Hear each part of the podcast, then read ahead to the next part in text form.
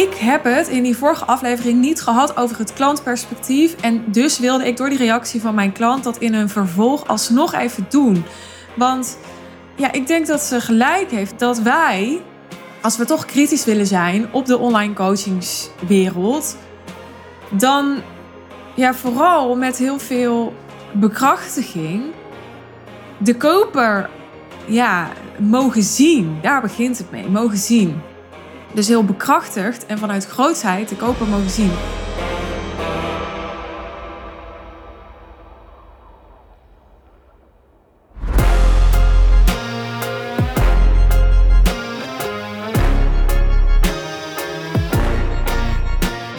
Ik maakte voor afgelopen maandag een podcastaflevering over um, ja, wat geluiden die ik zoal lees en hoor. Concreet was de aanleiding voor die podcastaflevering een post waarin ik was getagd en uh, waarin uh, de headline was: ja, high-end positioneren vind ik maar uh, ego-gedreven bullshit. Of is maar ego-gedreven bullshit, zoiets dergelijks. En ik heb besloten om voor vandaag een korte follow-up te maken van die aflevering. Heb je die nog niet geluisterd? Klik dan dus even de vorige aflevering aan. Want dan snap je wat meer context. Ik vond het belangrijk om een tweede deel te maken. En mogelijk volgt er later ook nog wel een derde deel. Omdat ik wat reacties kreeg op die aflevering. Waaronder van een klant van mij. Die heel terecht bij mij insprak in een voicebericht als mensen een oordeel hebben op hoge prijzen. Ik noemde in die podcastaflevering van maandag ook dat ik wat gelezen had over iemand die schreef over outrageous prices. Nou, ik ging nog eens zoeken hè, voor de volledigheid, voor de zorgvuldigheid in Google. Wat de letterlijke betekenis van outrageous is. En het betekent buitensporig of schandelijk. Dus daar zit wat mij betreft wel degelijk een oordeel in. Hoewel als het een oordeel is niet, vind ik belangrijk om erbij te zeggen, per se alleen maar negatief. Hè? Een oordeel kan ook iets positiefs zijn. Maar ik dacht, ik vind het goed om even helder te hebben van, ja, wat zegt iemand daar eigenlijk nou mee? En ja, mijn klant zei, op het moment dat iemand een oordeel heeft op dat die prijzen worden gevraagd en dat het schandelijk is dat dat wordt gevraagd en daarmee eigenlijk ook automatisch dat het wordt betaald. Want als je het niet zou mogen vragen, ja, is het dan wel oké? Is het dan wel slim? Is het dan wel normaal om het te betalen? Ik denk het inderdaad ook niet. Misschien zou je die twee los kunnen trekken van elkaar, maar ik denk dat ze wel bij elkaar horen het houdt natuurlijk elkaar ook in stand. Hè? Dus het heeft ook geen zin om het te vragen als er niemand is die het ervoor betaalt. Dus het feit dat het gevraagd wordt en dat het betaald wordt, dat er een markt is van vraag en aanbod, ja, die twee maken samen dat ook eigenlijk zo'n klant, als je outrageous zegt, als je schandelijk zegt, dan ben je dus eigenlijk ook zo'n klant die zo'n bedrag betaalt. En het maakt niet uit wat dat bedrag is. Hè? Ik bedoel, voor de een is outrageous 10.000 euro en voor de ander is het 100.000 euro, voor de ander is het 500.000 euro. En dat heeft ook alles te maken met voor welke dienst. Want 10.000 euro voor ja, je hond laten trimmen is natuurlijk iets heel anders dan 10.000 euro voor ja, uh, leiderschapscoaching in het bedrijfsleven. Ik noem maar even wat. Daarom geloof ik ook niet in high-end prijzen. Dat ik denk, ja, de high-end prijs bestaat niet, wat mij betreft. Want zo'n prijs staat nooit op zichzelf. Daar zit altijd een context omheen, er zit altijd een niche omheen. Nou goed, ik dacht, ja, ik, ik heb het in die vorige aflevering niet gehad over het klantperspectief. En dus wilde ik door die reactie van mijn klant dat in een vervolg alsnog even doen. Want ja, ik denk dat ze gelijk heeft dat wij, als we toch kritisch willen zijn op de online coachingswereld, dan ja, vooral met heel veel bekrachtiging de koper ja, mogen zien. Daar begint het mee, mogen zien. Dus heel bekrachtigd en vanuit grootheid de koper mogen zien. Want op het moment dat, ja, dat we krachtige kopers hebben in deze wereld, dan is er niet zo'n probleem. Want dan worden we ook veel minder snel misleid. En dan zijn we ook veel minder ehm, kwetsbaar om gemanipuleerd te worden. Of om ja, eh, de behoefte te hebben om gered te worden als koper. Dus ik denk, volgens mij begint het heel erg bij die koper. En wat ik dan veel zie, is dat mensen soms ook die koper proberen te beschermen. Dus ik zie ook veel content waarin mensen eigenlijk de koper ervoor willen behoeden om heel veel geld uit te geven voor iets wat het helemaal niet waard is. Vast met de beste intenties. Alleen het is belangrijk, daar voel ik mijn verantwoordelijkheid, omdat ik deze niche heb gekozen en omdat ik ja, mijn visie verkondig. Dus ik vind het belangrijk om, ja, om die visie dan ook te onderbouwen en ook verhalen te vertellen, juist vooral vanuit klantperspectief, die die visie ondersteunen. Dat is waarom ik ook regelmatig klanten aan het woord laat in deze podcast. En ja, mijn klant zei, als ik jou 2000 euro per maand had betaald, en dat doet ze dus niet, want ze betaalt meer dan dat, ja, dan had ik gewoon het resultaat niet behaald. Dat, dat was voor mij niet genoeg geweest om ja, maximaal uitgedaagd te worden. Ik wil niet veel haar woorden gebruiken. We gaan wellicht met elkaar nog een keer podcasten en dan kan zij het zelf haar fijn vertellen. Maar waarom wilde ik nu toch al even deze follow-up opnemen? Omdat ik dacht, ja, nu is het nog vers. Nu hebben mensen nog net die aflevering geluisterd. Nu kan ik nog mooi er een tweeluik van maken, dus vandaar. Zij zegt, ik heb dat gewoon nodig. En dan kan je zeggen, maar dan is er iets mis met jou dat jij het nodig hebt om zo'n hoog bedrag te betalen, omdat jij anders niet voldoende in actie komt. Weet je wel, waarom moet dat zo, ja, moet dat zo extern georiënteerd zijn? En waarom moet de voorwaarde daarvoor zijn dat je zoveel geld betaalt? Ja, ik denk omdat je ervoor mag kiezen omdat de voorwaarden te laten zijn. Mag iemand anders een andere keuze maken? Ja, natuurlijk. Maar een van de belangrijkste redenen dat ik mensen inhuur, dat ik bijvoorbeeld nu privé yogales heb, dat ik een personal trainer heb, is allemaal voor een heel groot deel omdat ik de accountability wil hebben, dat ik dan een afspraak heb met iemand en dat ik dan op een bepaald moment daar moet zijn en die yoga practice moet doen of die oefeningen moet doen, die fitness moet doen. En als ik in de ideale wereld zou leven, ja, dan zou ik ook zelf die yogales kunnen doen met gewoon alleen een audio of met YouTube. En dan zou ik ook op dat tijdstip daarvoor kunnen gaan zitten.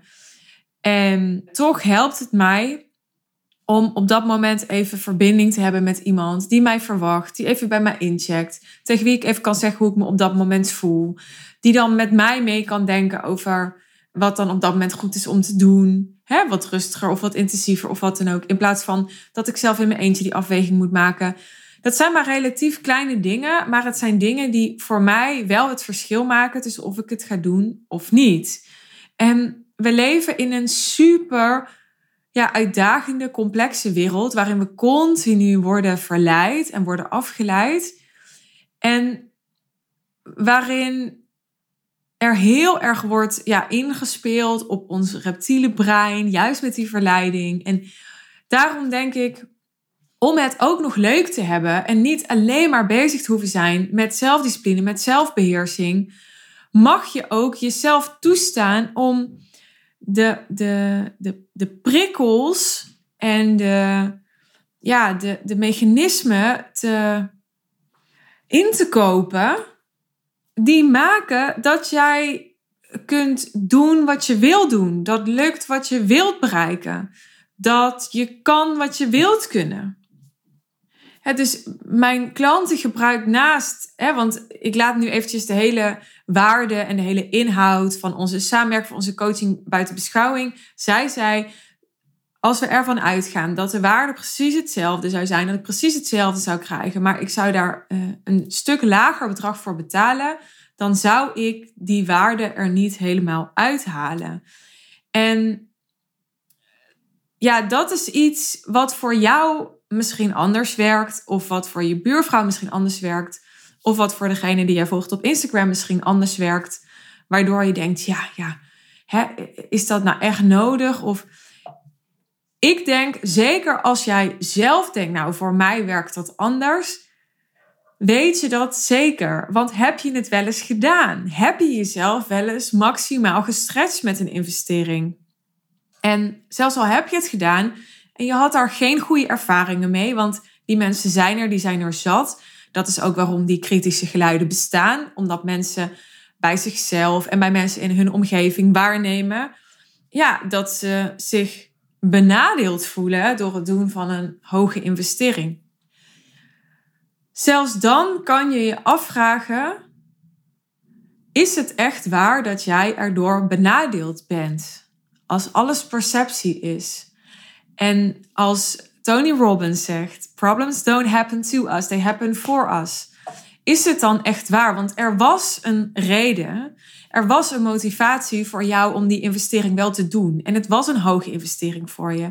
Dus je hebt die afweging gemaakt. En dan kan je zeggen: ja, maar dat was omdat ik toen nog naïef was, of omdat ik toen ja, nog te weinig zelfvertrouwen had, waardoor ik dacht dat ik dat extern moest halen. Daar kan je hele verhalen bij bedenken.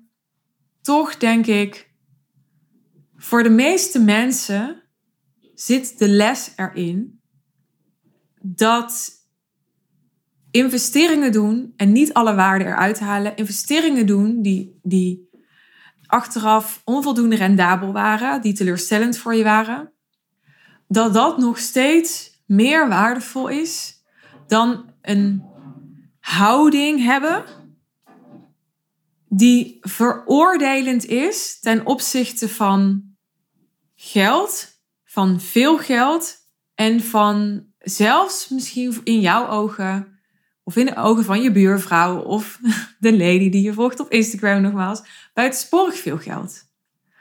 Dat is het. Ik zeg niet dat elke hoge investering je de allerbeste resultaten gaat leveren. Ik zeg niet dat iedereen die heel veel geld vraagt fantastisch goed is. Dat zeg ik allemaal niet. Ik zeg alleen dat jouw houding ten opzichte van dat het bestaat. Dat het bestaat dat mensen investeringen doen en dan teleurgesteld raken of uh, er niet helemaal het rendement uit halen. Dat die houding het meest bepalend is.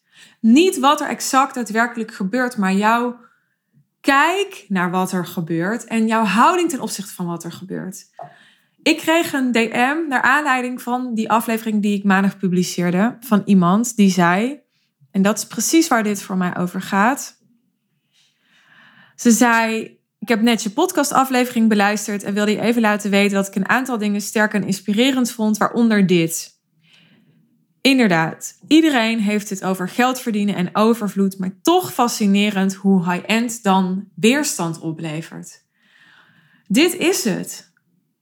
Hoe kun je aan de ene kant een veroordelende houding hebben en aan de andere kant wel die overvloed en dat geld willen verwelkomen. Want als je dat niet wilde, was het ook niet nodig voor je om dat oordeel te hebben. Dan resoneerde heel het thema niet bij jou. Ik bedoel, waarom zijn mensen bezig met of geld wel of niet belangrijk is? Omdat ze het in beide gevallen belangrijk maken. Want anders hoeft die er niet over te hebben. Het feit dat je het erover hebt, betekent dat het in zekere mate belangrijk voor je is.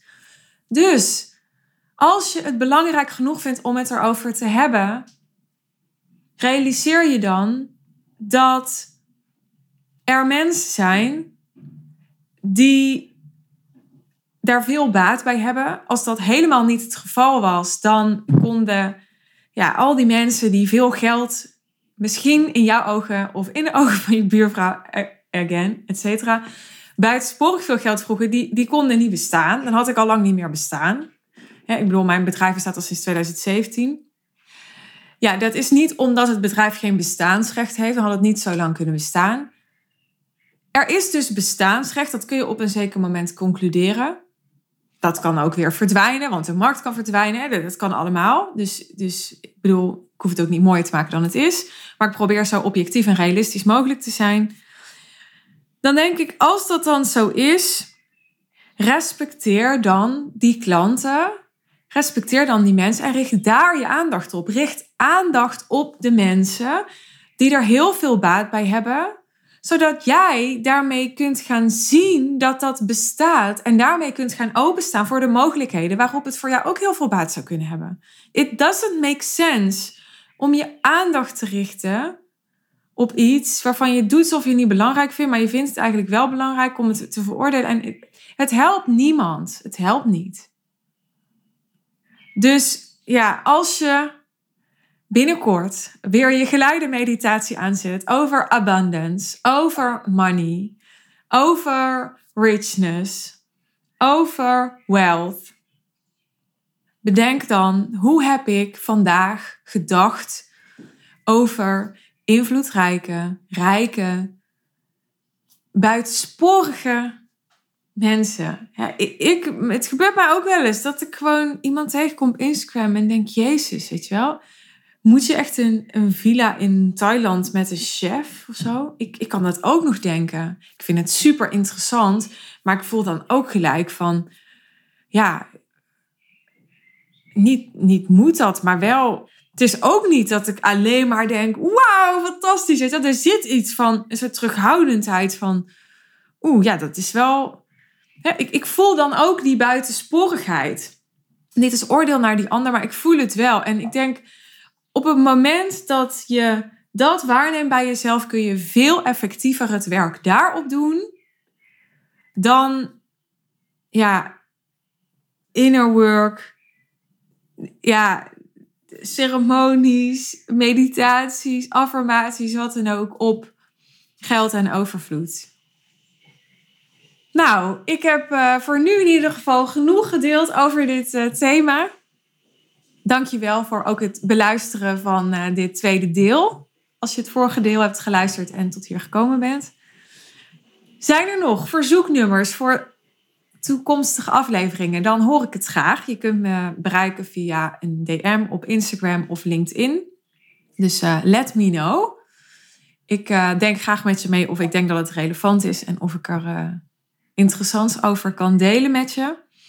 En voor nu, volg je me nog niet, ben je nog niet met me geconnect op socials, check de show notes. Wil je op de hoogte blijven van nieuwe podcastafleveringen? Zorg dat je abonnee bent op iTunes, de podcast volgt op Spotify. En vind je het interessant om meer te weten over mijn business mentorship? Wil je misschien een call aanvragen om te onderzoeken of ik jou kan helpen als jouw business mentor en coach? Ga naar de show notes, klik op het linkje achter Werk met Suus. Daar kun je meer lezen over Affluence, mijn 1 op 1 business mentorship. Een hele mooie dag voor je of een mooie avond, misschien wel te rusten. En tot de volgende keer. Bye bye.